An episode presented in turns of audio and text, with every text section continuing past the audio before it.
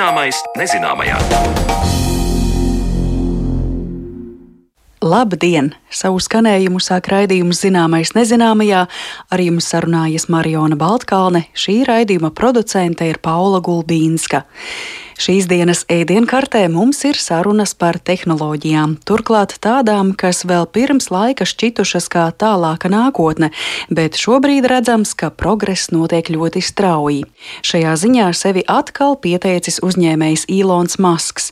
Viņa vārds pazīstams ar kosmosa tehnoloģijām un sociālo platformu Twitter, bet šajā reizē Masks ir gatavs piedāvāt smadziņu mikroshēmu, lai palīdzētu cilvēkiem ar dažādiem funkcionāliem traucējumiem traucējumiem. Tiesa, Masks nav vienīgais, kurš kaut ko tādu attīsta, un par to, kā šādas tehnoloģijas darbotos, runāsim raidījuma otrajā daļā. Bet sāksim ar stāstu par tehnoloģijām, kas tiek izmantotas, lai noteiktu cilvēka atrašanās vietu, ko par cilvēku ziņo vietāluņi, maksājumu kartes un automašīnas.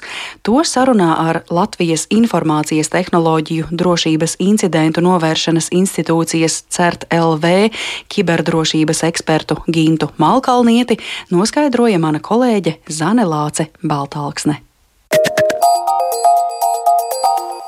Tehnoloģiju laikmetā cilvēka pēdu nospiedumi ir ne tikai fiziski, bet par sevi mēs apzināti vai neapzināti nododam ziņu ar tālruņiem, maksājumu kartēm, darbošanos internetā.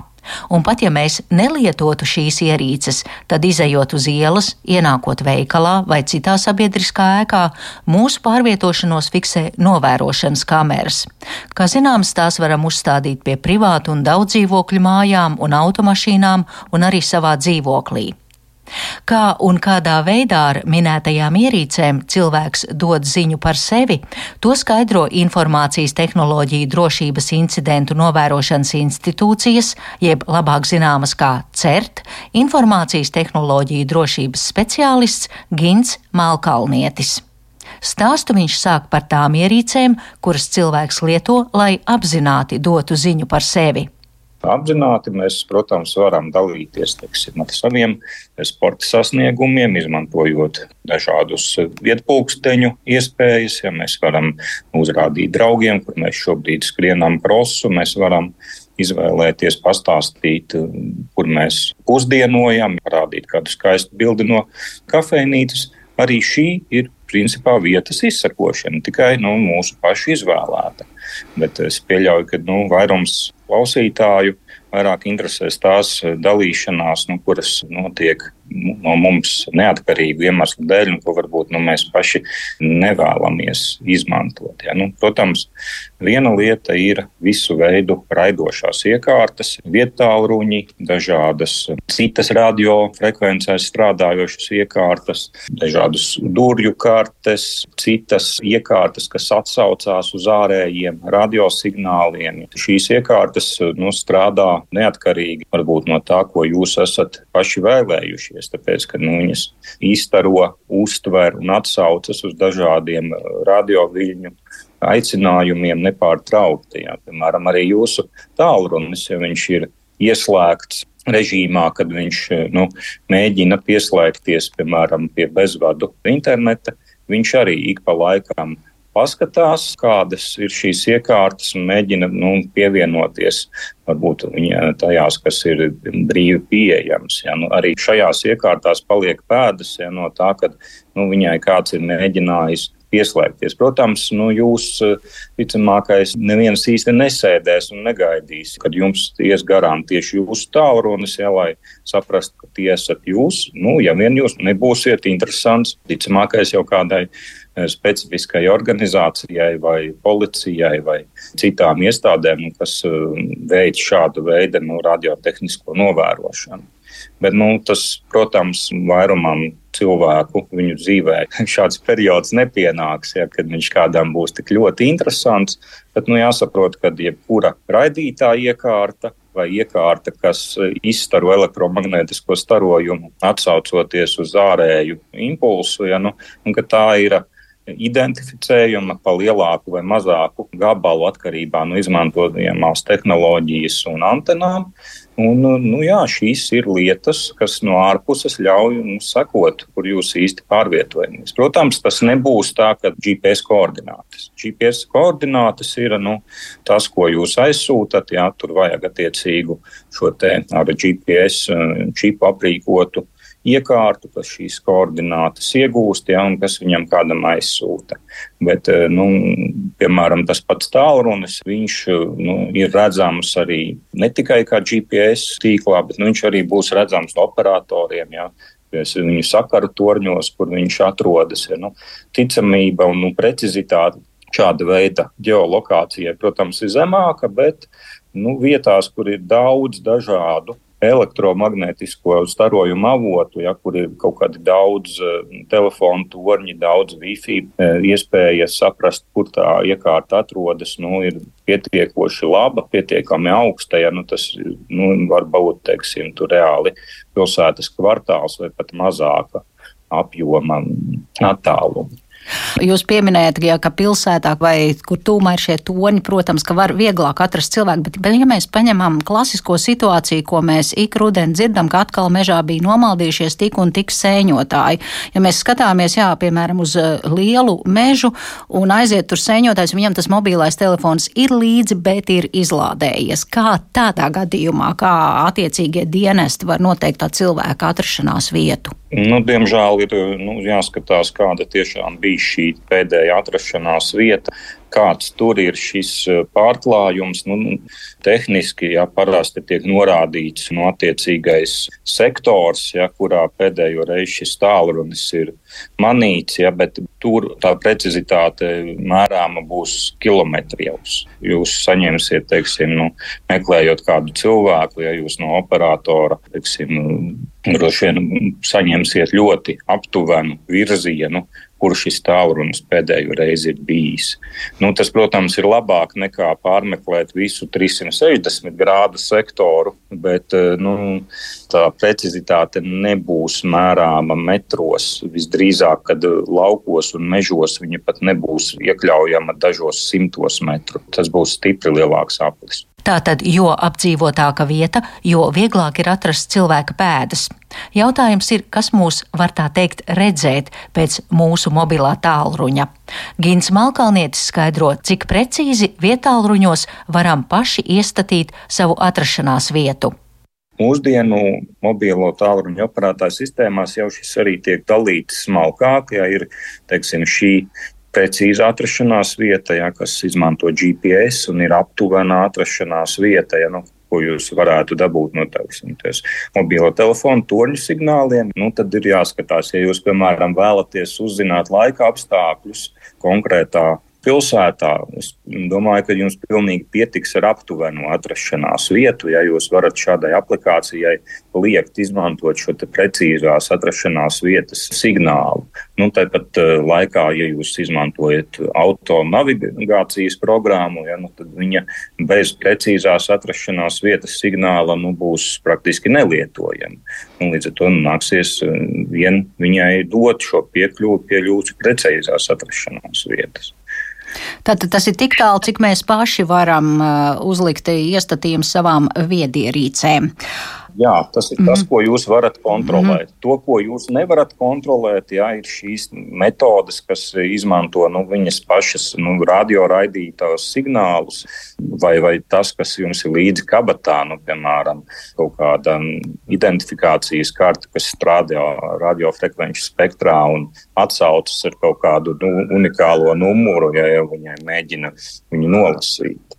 Kā tas ir ar uh, maksājumu kartēm? Cik daudz tās parāda vai noraida informāciju par lietotāju? Nu, viņas, protams, nenoraida pašas par sevi. Ja viņas mhm. atsaucās tikai uz šo pieprasījumu, tad brīdī, kad no ārpuses viņi saņem šo elektromagnētisko lauku un tad iekodēto šo specifisko vaicājumu no maksājuma termināla. Līdz ar to, teiksim, lai nu, izdabūtu eh, šo informāciju par karti, nu, vajag pietiekami tuvu un spēcīgi viņai šo signālu padot, ja, un tad, tad viņa pēc attiecīga algoritma ja, nu, sakombinē šo savu atbildi. Bet, um, nu, tas nozīmē, ka praktiski kādam mums būs jābūt tā fiziski blakus, teiksim, trolēbusā ar šo raidītāju. Nu, viņš, protams, var būt somā, ja, bet, ja viņš ir gan spēcīgs. Bet nu, ir jau tās citu veidu kartes, nu, piemēram, kaut kādas durvju atvēršanas kartes un vēl dažas, ja, kuras, nu, principā ir pat varbūt jaudīgākas un, un jūtīgākas un daudz uh, biežāk nu, atdod savus šos kodus. Nu, vienīgais, kad uh, viņās nebūs, protams, tāda nekāda unikāla informācija, tas būs tikai iekodēts numurs, nu, un kādam ir jāzina, kā šo numuru sasaistīt tieši ar jūsu personību. Un tas ir tā, ja kāds e, vēlas izsekot, e, piemēram, man viņ, viņam ir vajadzīgs, lai viņam būtu attiecīgs raidītājs, kas nolasītu šīs e, jūsu pieminētās durvju kodu kartes, tos iešifrētos Jā. ciparus. Jā, protams, nu, viņam būs mm. jābūt šīs tehnoloģijas radītājiem, mm. kas ir nu, savietojams ar to, ko, kas ir jums līdzi. Jā. Protams, ir jau dažādi automatizēti rīki, jā, kas ir nopērkami internetā, jā, no ar kuru var dažādi pārbaudīt apkārtnē esošās eh, radioraidošās iekārtas. Nu, tiesa, krietna daļa no viņiem Latvijā ir eh, strateģiskos nozīmes preču sarakstos un brīvi nopērkamas nav. Ja, viņas mm. nedrīkst pirkt jebkurš un jebkur izmantot. Skatot tālāk uz automobīļiem, ir skaidrs, ka jaunākās paudzes mašīnas ir aprīkotas ar ierīcēm, kas raida datus, ja gadījumā notiek negadījums uz ceļa automašīnām, kuras Eiropas Savienībā tiek tirgotas kopš 2018. gada, ir pilnīgi obligāti jābūt aprīkotām ar e-zvana iespējām, kas ir specifisks trauksmes zvana iekārta, kas ir pievienota mašīnas elektronikai un reaģē uz šīs mašīnas iekļūšanu kaut kādos būtiskos satiksmes negadījumos, tādos, kas tiešām ir būtiski, kur jau nostrādā šie drošības pilveni, ja, kas ir pietiekami spēcīgs trieciens, tad šīs iekārtas aktivizējas automātiski un e, nosūta glābšanas dienestam uz 112 mašīnas e, atrašanās vietas informāciju. Bet e, šīs iekārtas nu, ir tiešām paredzētas tikai avārijas situācijai. Viņas neaktivizējas. Teksim, nu, tad, ja jūs vienkārši noskrāpēsiet kaut kur sānus, nu, viņai tomēr tas kairinājums ir jābūt stipri lielākai un viņai jādetektē tiešām nu, avārija. Bet eh, jau sen, kopš nu, teiktu, 2000. gadu pirmās puses, jā, dažādi autoražotāji, sevišķi premium segmenta autoražotāji, ir aprīkojuši nu, šīs savas mašīnas arī ar cita veida sistēmām, eh, kas nu, palīdz piemēram, šīs automašīnas ieslēgt attālināti, atvērt attālināti, uzzināt viņu stāvokli un veikt dažādas citas funkcijas. Nu, šīs e, sistēmas, protams, e, strādā neatkarīgi nu, no šīs e, e-zvana avārijas sistēmas, ja, un nu, caur tām tiešām var piekļūt mašīnas teiksim, dažādiem parametriem un arī atrašanās vietai. Ja. Nu, šīs uh, sistēmas eksistē, viņas uh, visbiežāk ir saistītas ar lietotnēm vietālrunī. Un tā ir šo mašīnu īpašnieku izvēle, ja viņas nopirkt, aktivizēt un izmantot. Nu, diemžēl ir nu, dažas autoražotāji izmantotie protokoli, ja, kas nu, laika gaitā izrādījušies nu, nepārāk droši. Ja, un, nu, ir vairāki uzbrukumu veidi, kas tiešām ir ļāvuši nu, piekļūt attālināti šo automašīnu sistēmām. Ja izvēlamies dzīvi bez elektroniskajām ierīcēm, tad mēs varam pazust no elektromagnētiskā lauka, bet ir jāatceras, ka sižeta sākumā pieminētās novērošanas kameras var tikt izvietotas ne tikai apdzīvotās vietās, bet arī, piemēram, mežā, kur tās ir uzstādītas ar mērķi fiksēt meža piesārņotājus, vai arī dabas pētnieku izliktās kameras dzīvnieku novērošanai.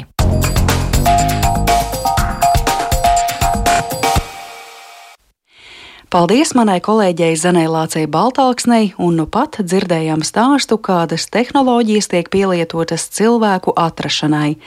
Bet kā smadzeņu mikroshēmas, čipi un citas tehnoloģijas palīdzētu cilvēkiem ar paralīzi un dažādiem funkcionāliem traucējumiem, par to saruna pēc brīža.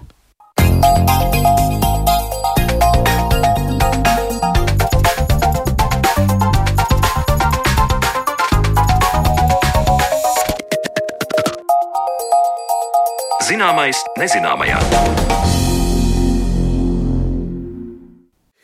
Uzņēmēja Ilona Maska smadzeņu mikroshēmu uzņēmums Neuralink paziņojis, ka ASV pārtikas un zāļu pārvalde ir sniegusi atļauju veikt pirmos testus ar cilvēkiem. Iepriekšējie eksperimenti ar pērtiķiem ir bijuši veiksmīgi. Taču kāpēc mums ir vajadzīgi šādi attālinātas komunikācijas rīki un kā jau šobrīd paralizēti pacienti vai cilvēki ar kustību traucējumiem var sazināties ar apkārtējo pasauli un labāk to sajust? To noskaidrosim raidījuma turpinājumā, un viesos esam aicinājuši uzņēmuma Longenesis pārstāvi, medicīnas tehnoloģiju ekspertu Emīlu Sundjukovu. Labdien! Labdien! Un attālināti mums ir pievienojusies Latvijas Sporta pedagoģijas akadēmijas vadošā pētniece Aija Kļaviņa. Labdien! Labdien! Jā, nu šajā gadījumā mēs ļoti labi varam redzēt, cik strauji ir mainījusies situācija, jo vēl pavisam nesen šādas zaļās gaismas mikroshēmu izmēģināšanai cilvēka organismā nebija, bet mēs šobrīd jau redzam, ka ir spērts solis tālāk čips cilvēka smadzenēs. Nu, tas ir ļoti bieži izskanējis. Vairāk prātā ir palicis eh, Covid laiks, kad eh, čipi bija daļa no sazvērestības teorijām par to, ka kāds mūs ar čipiem vakcīnās grib kontrolēt. Šajā gadījumā mēs runājam par kaut ko reālu, par mikroshēmu smadzenēs, kas medicīnā un cilvēku sadzīvē būtu liels ieguvums. Tāpēc Kas tad īsti ir šis Ilona eh, Maska izslavētais Neuralink, jeb vienkārši smadzeņu čips, pēc kāda principa tas darbotos? Emīlija. Jā, ļoti labs jautājums. Es domāju, ka pāris teikumos izstāstīt visu aprakstītu un izstrādātu būs pagrūti, bet jebkurā gadījumā tā ir kombinācija ar dzelžu komponenti. Attiecīgi, kā jūs sakat, to mēs varam to saukt par čipu vai datora sistēmu, būtu pareizāk to saukt, kas attiecīgi ir gan datora smadzenes, attiecīgi mikroshēma, gan arī sensoru klāsts, kas spēj nolasīt smadzeņu aktivitātes viļņus vai kāds cits parametrus, ja, kas arī nav nebūtu tā analoģija uzreiz, kas nāk ar elektroencefalogrammu. Ja, attiecīgi tie sensori vairāk, ko mēs lietojam kā tādu cepurīti, ko velkam um, miega centrā vai kādā cits izmeklējuma laikos, vai arī vispār um, ikdiena ir arī uh, tirgu pieejami risinājumi, meditācija, piemēram, gan arī, protams, programmatūras risinājums, kas ir ļoti svarīgs. Attiecīgi, viens ir nolasīt smadzeņu vienas darbības, ja, bet otrs ir atpazīt, ko tas nozīmē. Man liekas, ka tā rozīnīte vai ķirsīts uz torts pats tieši arī slēpjas ne tikai dzelžu dizainā, bet uh, savukārt arī programmatūrā, visā tajā algoritmiskajā daļā. Attiecīgi mēs spējam sajust, sensors spēj sajust tas viļņus, interpretēt un, attiecīgi, pēc tam arī, protams, veikt kādas aktivitātes kas ir būtībā nu, tas intelektuāls īpašums, par ko, protams, mums nestāstīs pilnībā visu. Bet es pareizi saprotu, ka mēs runājam par kaut ko, kas tiek cilvēka organismā ievietots, un tad ir vēl kaut kāda iekārta, ierīce, ārēja, kas ir savienota ar to, kas ir iekšā cilvēka organismā. Nu, nu būtībā te mēs runājam par implantējumu iekārtu. Ja? Cik tālu es to zinu un atceros, jā, attiecīgi, jā. tā ir hibrīda sistēma, ka liela daļa no tiem dzelžiem atrodas ārpus bet, protams, sensoru kanāli un būtībā tie moduļi tiek ievietoti un implantēti, ievietoti iekšā organismā, jā, mm. lai attiecīgi tur nolasītu tos datus, jo viņu arī jā, tas pieejams ir izmantot mazāk kanālu. Nozīmē to, ka mazāk sensoru kopu implantētu iekšā konkrētajos rajonos, ja tur medicīniski, protams, saprotot, kur un kā, attiecīgi spēj nolasīt tos datus un padot jau smadzenītēm ārpus, ja, kur attiecīgi veikt jau visu kalkulāciju, un apstrādi un interpretāciju. Kā jūs raugāties, kādos gadījumos tas varētu palīdzēt kādām pacientu grupām? pielietojuma klases ir liekas, ļoti plašs. Te jau pielietojumu mēs varējām redzēt, ja ir vis visādi sakot ar uh, slavenu Stevenu Hawkingu, ja, pētnieku un viņu iekārtu, ja, kas ar uh, to vaigu muskuli, ja, attiecīgi spēja, viņš spēja kontrolēt datoru, rakstīt grāmatas, lasīt lekcijas, absolūti fantastiskas publikācijas. Nu, līdz pat būtībā cilvēkiem, kuri nespēja miedarboties un sajust, ka es pareizi teicu, pasauli sev apkārt, tā kā to dara citi. Jā, un, protams, ka tas gala mērķis ir palīdzēt cilvēkiem sajust to pasauli tādā pašā funkciju kompleksā. Ja? Mēs nevaram pateikt, sajust tāpat, palīdzēt tiem cilvēkiem. Bet, protams, arī pielietojumi, kur mēs runājam par nu, tādu cyberpunk, angļuiski sakot. Ja?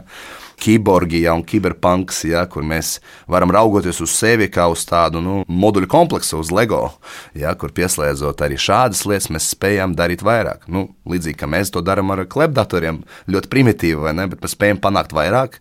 Kāpēc mēs neskatāmies un neraugamies uz to, kā implantējot, bet uzliekot uz pirksta vai uz rokas, ja kādu viediekārtu, mēs spētu būt ātrāki, veiksmīgāki, varbūt nezinu, foršāki, jaunāki un tā tālāk. Jā, tad varbūt stāsts varētu būt ne tikai par pacientiem, bet Aija došu vārdu jums, kā jūs raugāties, kam tas spētu palīdzēt.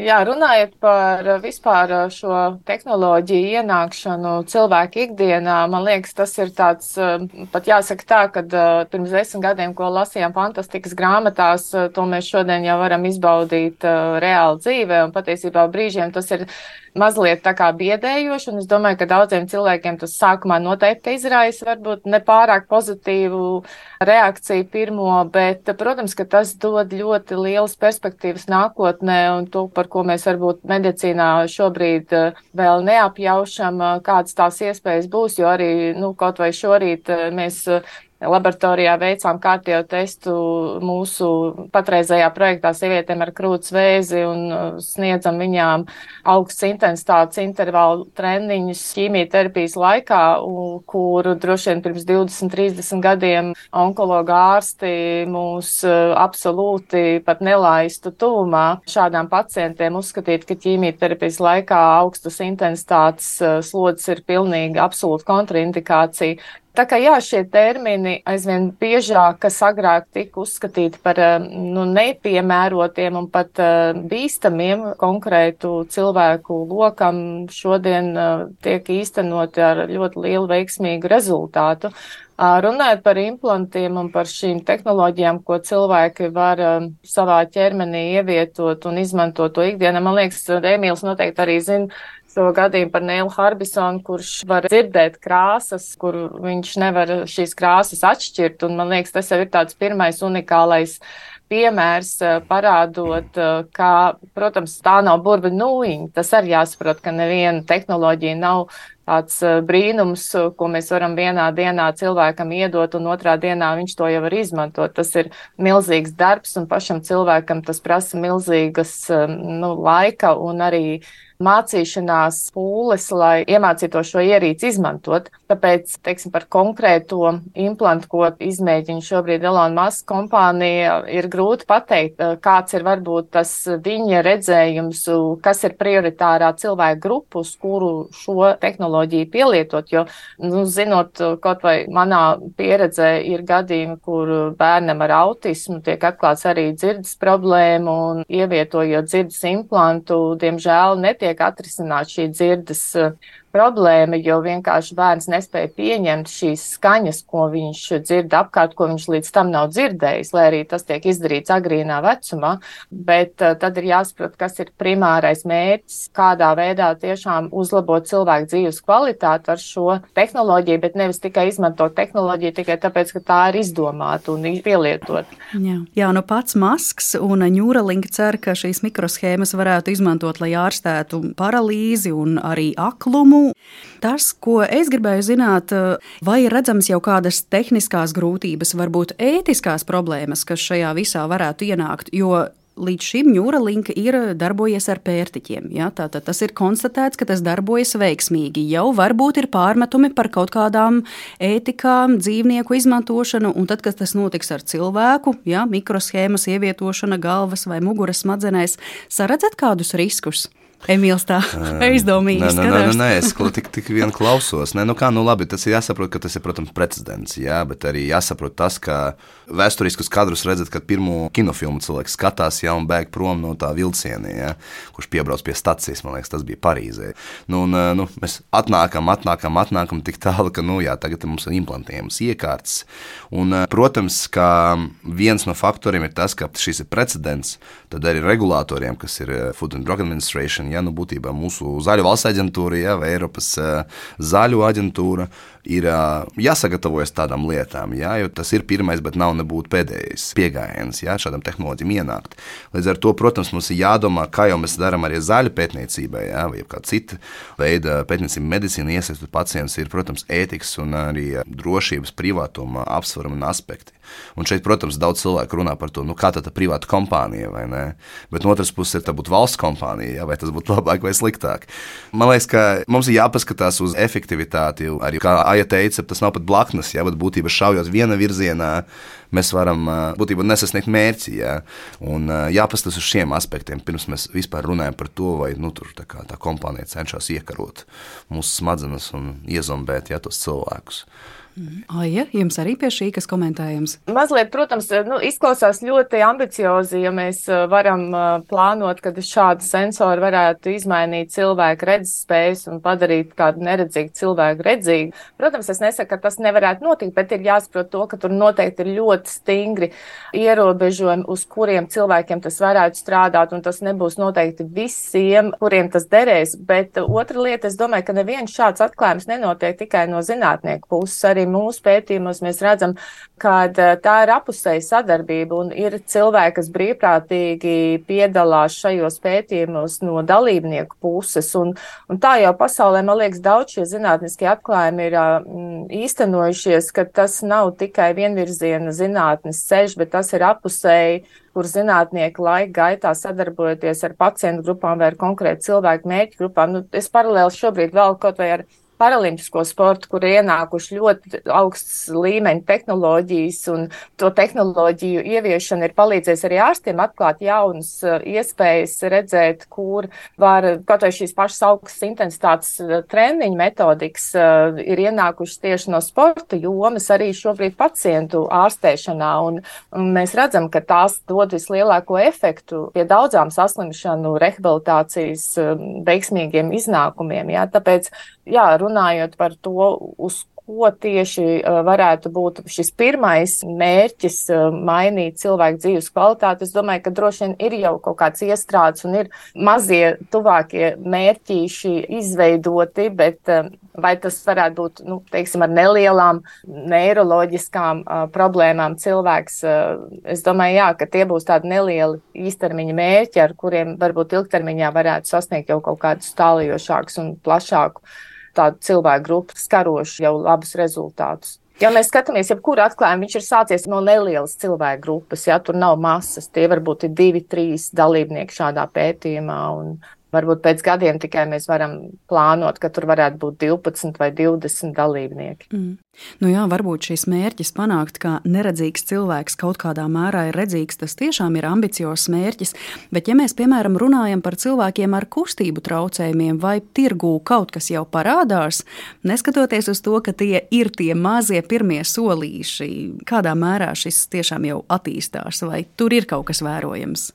Turpinot to pašu par kaut vai šo sporta jomu, nu, pirmkārt jāsaprot to, ka cilvēki ļoti veiksmīgi pielāgojās jaunai situācijai. Un arī no tāda psiholoģiskā faktora mēs zinām, un arī fizioterapeiti strādājot praksē to ļoti labi redz, ka principā, nu jā, pirmais brīdis ir šis šoks, šī neziņa cilvēkam pēc kāda negadījuma vai saslimšanas, jā, kā dzīvot tālāk, bet uh, paiet pusgads, gads, uh, kā nu kuram, bet principā pusotra gads laikā cilvēks spēja pielāgoties šai jaunai situācijai, un to arī ir mūsu studējošie pierādījuši un zinātnieki, kad pēc pusotra gada, ja cilvēkam, kuram ir vai nu amputācija vai ekstremitātes deficīts, un šī protēze nav, cilvēks ir ļoti veiksmīgi pielāgojies arī bez protēzes pārvietoties. Tā kā šī jaunās protēzes vai jaunas tehnoloģijas ienākšana viņa ikdienā patiesībā varbūt pat apgrūtinājums pirmā brīdī. Un mums liekas, nu, ka tas tā kā varētu atvieglot dzīvi, bet cilvēks jau ir tā pieredze pie jaunās situācijas, ka viņš pat nevēlas neko jaunu vairs savā dzīvē ieviest. Un, protams, tur ir dažādi iemesli, gan vecums varbūt, gan dzīves apstākļi, gan arī vide, kas viņam apkārt ir. Teiksim, ja tas ir ar sporta jomu saistīts, tad skaidrs, ka tur ir tā dinamika ļoti ātra un izmaiņas, ko mēs redzam redzam ar katrām jaunajām paralimpiskām spēlēm, ir, ir vienkārši gaismas ātrumā, kā attīstās šīs uh, protēzes, ko izmanto cilvēki, kas ir sportā. Un tā ir ļoti atkal neliela cilvēku grupa salīdzinot ar visu kopējo, kuriem būtu nepieciešama šī pielāgojuma. Tāpēc tāda vispārēji, kā jūs minējāt, sākumā tāda burvi nūjiņas efekts nebūs, ka mēs pilnīgi visiem varēsim izmainīt šo dzīvi uz pozitīvu un absolūti vienlīdzīgu dzīves kvalitāti. Jā, es raugos, Emīls arī grib kaut ko komentēt. Noteikti, tu kā arī pateici, viss jau tā ir. Man patīk tā doma par to, ka tehnoloģijas, ja mēs skatāmies uz to, kā tehnoloģija var palīdzēt, jā, tad mēs arī varam raugoties uz tādām ikdienas lietām. Kad, protams, ir precedentu grupa, jā, kas ir, par ko mēs tikko runājam, implantējumas iekārtas vai jā, kāds cits, ar pavisam tādas kosmosa līmeņa tehnoloģijas, jā, bet arī ikdienas lietas, ko mēs izmantojām. Mēs varam raugoties uz to, ka uz tādu palīdzīgu cilvēkiem, gan ar īpašām vajadzībām, gan vienkārši ar diagnosticētiem pacientiem, varbūt ne ar kustības traucējumiem, bet gan citām problēmām, kas saistītas ar slimību. Un viens no tiem piemēram asistenti, piemēram, jā, kad attiecīgi jā, ir vairāki gan pētījumi gan arī komercprodukti, ja, ko mēs varam izmantot, sākot ar tur, Apple iekārtām, beidzot ar Google un Amazon produktiem, kur attiecīgi gan pacientu atbalsta viņa pacientu ceļa gaitā, ne tikai lai savāktu tos datus, ja un laicīgi rēģēt, piemēram, personalizēt rehabilitāciju vai ārstēšanu, pāraudzību, bet arī atbalstīt pacientu. Tas jau ir ļoti svarīgi. Ja. Tik nesen iznāca tas pētījums par empātijas līmenī, kur to ChatGPT, to botu, to rīku salīdzināja ar klinicistu konsultācijām, ja, un kā atzīmē cilvēku, ka bieži vien tā automātiski vai datorizēta sistēma spēja izglītot pacientu ar lielāku empātijas līmeni. Ja, kas ir tāds nu, interesants, manuprāt, arī precedents. Ne? Un es nesaku atkal par to, ka te ir balts un melns, kā jau pareizi teica, ja nav tā, ka tehnoloģijas uzreiz pēkšņi aizvietos visu, jā, vai arī nezinu, nu, atrisinās visas problēmas. Tas ir vairāk atbalstīgs. Un, ja tas iet hibrīdi ar to pašu klinicistu vai rehabilitologu vai kādu fizioterapeita profesionālu darbību, tas jau nes tos augļus. Ja. Valkāmierītis ir ļoti labs piemērs arī tas pašs. Ja. Un ne tikai diagnosticētiem pacientiem ar traucējumiem, bet arī plašākai sabiedrībai. Kā mēs spējam pacientu iesaistīt, jo šī ir, man liekas, atslēga. Ja, kā arī ne tikai klinicisti vai pētnieki, kuri izdomāja, ka, oh, saliekot šos divus sensorus ar kādu citu tur, komunikācijas modeli, mēs visu atrisināsim. Tas bieži vien ir soli pa solē arī proaktīva pacienta iesaist. Jo tikai tā mēs varēsim arī jā, veiksmīgāk atbalstīt to pacientu. Nu jā, cik lielā mērā viņš vēlas to visu testēt. Jā, mēs runājam par precedentu, bet tajā pašā laikā mēs arī ļoti labi redzam, ka nu, nav jau tā, ka Ilons Masks te vienīgais kaut ko jaunu rada, jo principā paziņojums par šo ASV pārējumu pārtikas un zāļu pārvaldes sniegto atļauju turpināt ņūralinka čipu testēšanu cilvēkos, eh, seko citām diezgan nesenām ziņām par līdzīgu Šveices pētnieku sasniegumu, kas saistīts ar eh, smadzeņu implantiem. Tas arī jau ir publicēts zinātniskā žurnālā, par to ir ļoti daudz parādījušies interneta raksti un arī video, kā šis paralizētais vīrietis pirmo reizi ir atguvis spēju staigāt, izmantojot tikai savas domas un tādā veidā apējot traumu, ko viņš guva pirms 12 gadiem. Nu, tur arī tā doma tāda, ka viņa galvas smadzenēs ir divi implanti un muguras smadzenēs ir viens implants, un tikai tad, kad eh, cilvēks domā par staigāšanu, tad eh, implanti galvas smadzenēs rada elektrisko aktivitāti, kas tiek uztvērta ar elektrodiņiem. Elektrodu savukārt šo aktivitāti fiksē vēl mugursomā esošs dators, un tas ir tas, kas attālinātā režīmā raida signālu no galvas uz muguras smadzeņu implantiem. Un, dod šo pavēli muguras smadzenēm radīt kustību. Jā, tā kā tāds digitāls jauns tilts, tā tas ir nosaukts, tātad implanti ķermenī, elektrodi uz galvas, dators somā. Šis viss tad līdzinās tam, ko dara Ilons Masks un Neuralink. Tas ir kaut kas paralēli, vai kā jūs jūtat, tas ir tomēr kaut kas cits no tāda tehnoloģiju viedokļa? Tas, kas arī jāsaprot, ka ir tāds nu, teorija par to, kolektīva prāta, man liekas, ja latviešu pareizi. Nu, būtībā, mums vairāki mēģinājumi notiek vienlaicīgi. Ja nav tā, ka ir viens gudrinieks, kurš tur sēž savā stūrītī, kambarītī, ja, un tikai viens vienīgais pasaulē šo dara un domā. Tas jau sākās pat nu, paralēli ar exoskeletiem, ja, kad mēs mēģinām cilvēkiem līdzēt staigāt, un tur ir vairāk aspekti. No regulācijas aspekta tas daudz vienkāršāk nekā implantēt kādas iekārtas, ja, un, protams, ja mēs runājam par uzņēmumiem, nu, viņi izvēlas arī pivotēt pareizajā un ātrākajā veidā. Bet atgriežoties pie Šveices kolēģiem, ja, līdzīgs stāsts, ja atkal implantiem iekārt, mēģinām spēt nolasīt signālus, ja, nu, kā jūs sakat, cilvēku domas vai elektrisks signāls savā ziņā, viņas interpretēt kustībās. Te, protams, atkal ir jautājums, un man liekas, ka Aija pareizi to sāka. Ja, Tā nav bināra sistēma vienkārši. Ja? Kustēties vai nekustēties, ja? uz priekšu vai atpakaļ. Ja? Mums domas, un ir arī vairāk par to raksts, ka, protams, ka mēs spējam atpazīt kaut kādus klasterus ja? ar uh, domām, kādas grupas, bet uh, tur ir vēl daudz ko pētīt. Ja? Bet konceptuāli un tehnoloģiski ļoti līdzīgs stāsts. Man liekas, šai komandai bija vairāk pētnieciskā no Šveices, līdz ar to dators soma un tā. Tas neizskatās tik uh, interesanti no mārketinga perspektīvas un dizaina perspektīvas, ja, nekā Ilona sistēma. Bet uh, funkcionalitātes uh, ziņā es saku, tas viss beigu beigās slēpjas arī programmatūras līmenī, ja, tajā melnajā kastītē, kā viņi interpretē un padod signālus ja, no un uz cilvēku. Jā. Nu jā, jo es domāju, ka tur nākamais līmenis varētu būt uh, stāsts par to, kā to visu padarīt kompaktāku, jo cilvēkam, jā, viņam ķermenī jau ir ievietoti šie implanti, bet tad uz galvas ir vienmēr kaut kas jāliek, kas uztvērtu tos elektriskos mm. signālus, un tad vēl somā dators liekas ļoti daudz nērtību, bet tajā pašā laikā padomā, bet cilvēks var staigāt. Nē, tas ļoti interesanti. Protams, nu, man kā datoriķim tas fascinē, vai ne, un interesanti darboties pie tādām sistēmām, tas jau jau superīgi. Es domāju, tas lielies jautājums, kas man interesētu, piemēram, no tāda nu, vairāk zinātnīs vai datu perspektīvas, ja, kā tad mainās tie signāli nu, lielākajā, plašākajā grupā.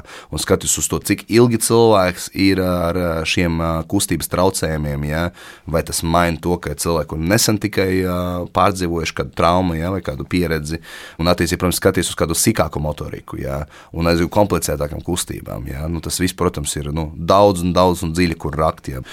Jā. Pie šī gadījuma es vēl tikai gribēju piebilst, eh, ko Emīla paturpinot arī, jā, tas ir tāds unikāls, nu, var teikt, case study, vai ne, kur mēs mhm. redzam uz viena cilvēka piemēru, un noteikti zinot arī no pētniecības puses, ka kat, katrā šādā unikālā pētījumā, ja tur vēl ir ļoti liela finansiāla izdevuma, tad tur ir ļoti strikti atlasts kritērijus, kur cilvēki vispār kaut ko tādu var izmēģināt. Tā ka, protams, tad ir jāsaprot, ja 12 gadus pēc šīs nelēmas gadījuma avārijas, kad viņš ir bijis ar kādu līmeņa, teiksim, šī šķērs bojājuma, vai tas ir ir bijis pilnīgs vai daļējs. Tā kā, nu, protams, ka tur medicīniski, klīniski jāsaprot, nu, kādas ir tās izredzes bijušas, kad var atjaunot šīs elektriskās uh, impulsu uh, muguras smadzenēs un kāds ir varējis, uh, nu, jā, palīdzēt cilvēkam uzlabot dzīves kvalitāti. Jo, nu, patiesībā medicīnas un rehabilitācijas galvenais mērķis ir uzlabot dzīves kvalitāti, palielināt viņa neatkarības līmeni.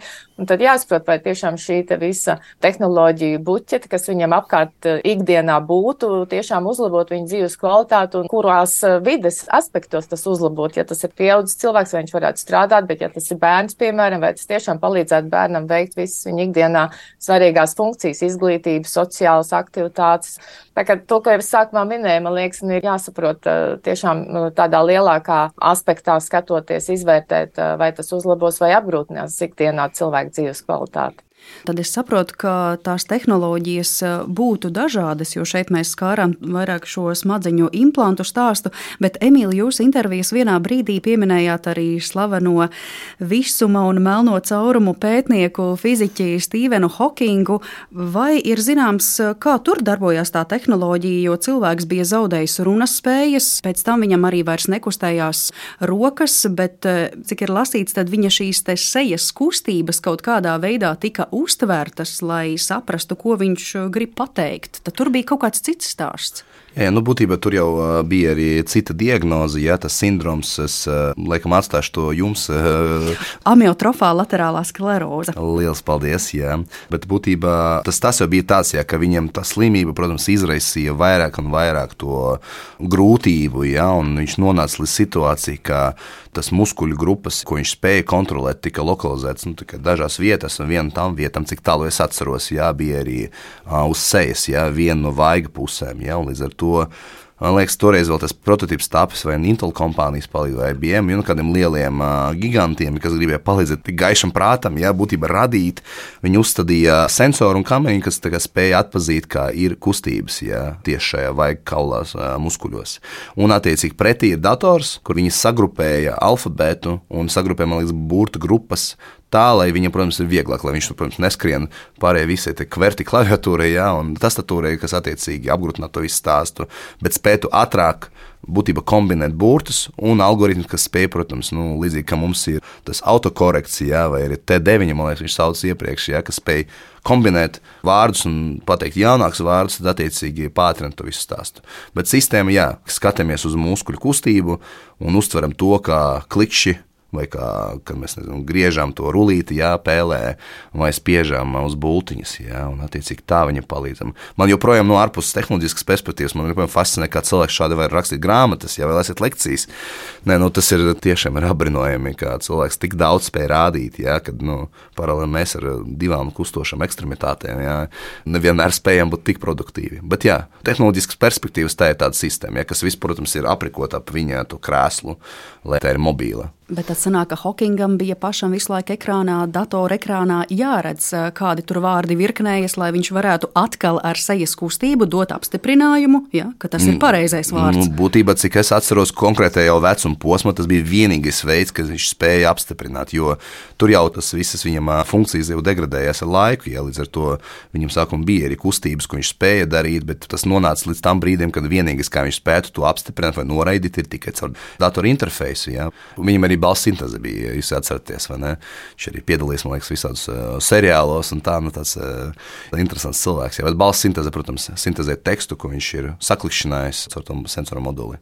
Jā, ja mēs runājam par uh, grāmatu rakstīšanu, ko jūs, Emīl, pieminējāt, man prātā ir Vēl viens paralīzes pacients, tas bija stāsts par žurnāla Elle France redaktoru Žanu Dominiku Bobiju, kurš 90. gadu vidū pārcieta insultu un tā rezultātā tika pilnībā paralizēts, un par viņa vienīgo saziņas līdzekli ar ārpasauli kļuva acis plakstiņš un mirkšķinot eh, veselo labo aci, kad blakus sēdošais cilvēks nosauca vajadzīgo burtu, Žants Dominiks spēja sarunāties un pat uzrakstīt grāmatu. Un es domāju, ka daudzi mūsu klausītāji ir redzējuši godalgoto Džuliana Šnābela mākslas filmu Skafandrs un Tauriņš, kur tieši arī ir stāsts par šiem notikumiem. Nu, tātad tas, ko mēs redzam filmā, ir tāds nenogurstošs medicīniskā personāla darbs, lai sauktu burtus un uztvērtu, ko Bobijs vēlas teikt. Nu, tad varbūt atkal Ilona Maska Neuralink tehnoloģija vai Šveices zinātnieku tehnoloģija šo darbu atvieglotu. Tā varētu būt, vai ne? ne nu, tas vispār ir neticami. Protams, cilvēks spēja pielāgoties, ja, un cilvēks spēja šādos apstākļos arī rādīt. Ja. Mēs nerunājam tikai par nu, dzīvi, bet mēs runājam arī par darbu un mākslu, un, nu, kas prasa, man liekas, vēl lielākas piepūles. Nu, man liekas, ka atkal abas lietas ir, kā jau pateicu, case study, ja, gadījumi piemēri, labi precedenti, lai mūs aizvestu tālāk, tālāk, un arī citus pētniekus un uzņēmējus iedrošināt, ja, būtībā vairāk skatīties šajā pusē. Es domāju, ka noteikti mēs redzēsim vēl vairāk un vairāk. Tas nebūs tikai Ilona Maska radīties produkts, ja, kas ies pētījuma gaits, kas noteikti jāstas un vēroši līdzi un skatīs uz rezultātiem, bet ir kaudz ar daudz vairākiem, vairākiem tehnoloģiem, kas mums spēja līdzēt, kur ir radīsies. Ja, nu viens no tiem piemēriem - Apple atjauninājums, ja, kas spēja arī cilvēkiem, kuriem ir problēmas, nu, attiecīgi, vai neurodeģeneratīvas slimības, vai citas kondīcijas, ja, kuriem pazudīs balss, komunicēt ar telefonu, viņš konkrēti nedēļu laika pēc tam spēs arī sintēzēt līdzīgu tembru, jā, un taisīt tādu nu, no teksta uz balss interfeisu, kas nu, ir nevis implementējama iekārta, iekārta, kas mums ir kabatā vai arī mūsu somiņā vai mugursomiņā, ja, un spēja darīt šādus brīnumus. Man liekas, tas ir arī diezgan interesants pieejams, kā mēs ar ikdienas tehnoloģijām spējam arī iedot vairāk un plašākas iespējas cilvēkiem. Mēs tātad runājam par hokingu, mēs runājam par visiem šiem citiem izmēģinājumiem, kas notiek. Literatūrā parādās arī tāds jēdziens kā telerehabilitācija. Vai viss, ko mēs līdz šim aprunājām, attiecas uz šo jēdzienu telerehabilitācija? Ai, atkal uz jums varos. Īstenībā telerehabilitācija tur tomēr pretī ir cilvēks otrā pusē, vai arī nu, tas ir tomēr cilvēka radīts algoritms, ko izmanto pacients telerehabilitācijas laikā. Jo, piemēram, nu, ir milzīgas cilvēku grupas, kuras mēs kā veselības aprūpas speciālisti nespējam ikdienā individuāli apkalpot, un tāpēc šie telerehabilitācijas risinājumi nenoliedzami palīdz patstāvīgi un neatkarīgi no kontrolētas vides, kas būtu kopā ar uh, veselības aprūpas speciālistu, tātad pacientiem patstāvīgi personalizētā veidā veikt šīs rehabilitācijas um, aktivitātes. Teiksim, man arī ir bijis uh, maģistra darbs veiksmīgi aizstāvēts studentei, kur um, Covid laikā viņi veica telerehabilitācijas programmu sievietēm pēc uh, insulta, Un tā tad attālināti organizēja nodarbības, un tad atkal dāmas divas nedēļas veids šīs nodarbības patstāvīgi. Savukārt speciālists kontrolēja pēc aplikācijas intensitāti. Jo jāsaprot to, ka šīs telerehabilitācijas uzdevums ir nodrošināt drošu, mērķtiecīgu un uz pacienta atkal dzīves kvalitāti uzlabojošu mērķi vērstu šo procesu. Un telerehabilitācija pat par sevi nespēja, ja tā nav kontrolēta, varētu vai nu attālināt, vai arī caur kādu aplikāciju tādu mērķtiecīgu procesu izveidot.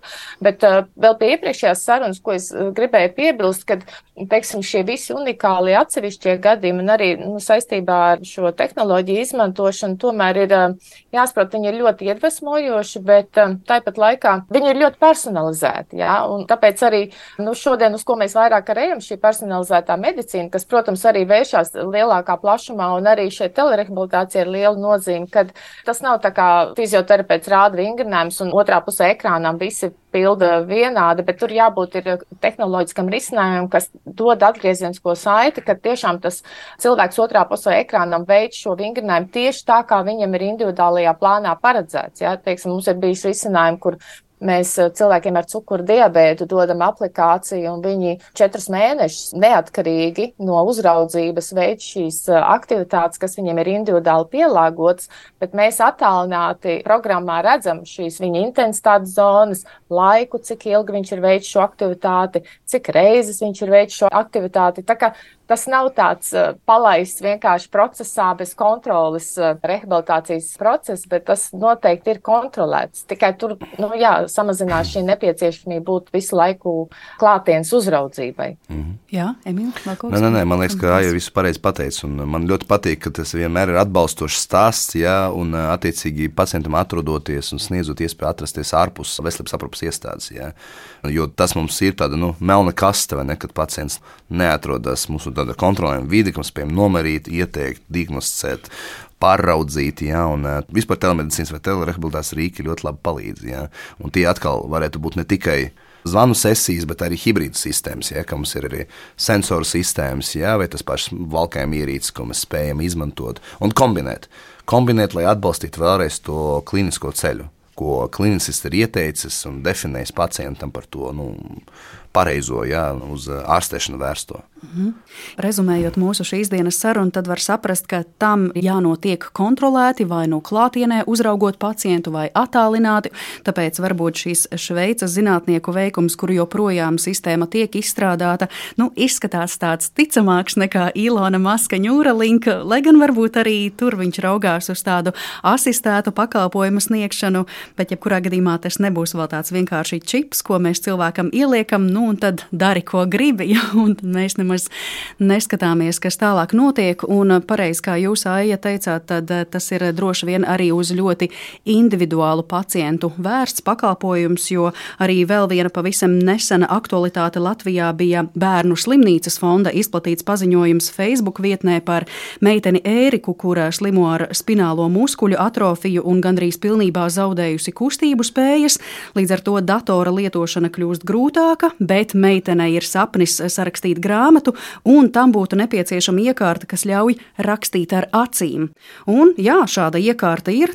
Cilvēku atsaucība palīdzēt ir bijusi liela, un šobrīd Bērnu slimnīcas fonda Facebook lapā mēs redzam, ka pašlaik ziedojumu vākšana ir apturēta, sakot visiem paldies par atsaucību. Protams, mēs aicinām sekot līdzi informācijai un tam, kā attīstīsies mazās ērikas sapnis, bet, nu, jā, iekārta rakstīta ar acīm, tā acīm redzot arī ir daļa no telerehabilitācijas. Saku jums lielu paldies par šīs dienas sarunu, ka viesāt skaidrību par to, kas ir reāls un kas ir vēl tādā iedoma līmenī. Droši vien pēc kāda laika mēs redzēsim, kā šie soļi ir attīstījušies tālāk. Un eh, tas, kas eh, mums šobrīd ir vēl tādā izstrādes stadijā, pēc eh, varbūt jau dažiem gadiem vai dažiem mēnešiem kļūs par mūsu dzīves realitāti, un pēc ilgāka laika mēs atkal būvēsim augstākus kalnus, kā palīdzēt pacientiem. Un atgādināšu, ka saruna sarunājāmies ar uzņēmuma Longenesis pārstāvi, medicīnas tehnoloģiju ekspertu Emīlu Sunjakovu, un attālināti mums pievienojās Latvijas Sporta pedagoģijas akadēmijas vadošā pētniece Aija Kļaviņa. Paldies jums abiem par sarunu! Paldies un jauku dienu! Paldies jums arī! Visiem jauku dienu! Un ar to mūsu šīs dienas raidījums izskan. Par to parūpējās producente Paula Gulbīnska, mūziku izvēlējās Girts Bišs, skaņu režijā bija Reinis Budze un Mariona Baltkalne pie mikrofona. Paldies, ka pievienojāties mums un uz sadzirdēšanos atkal drīz!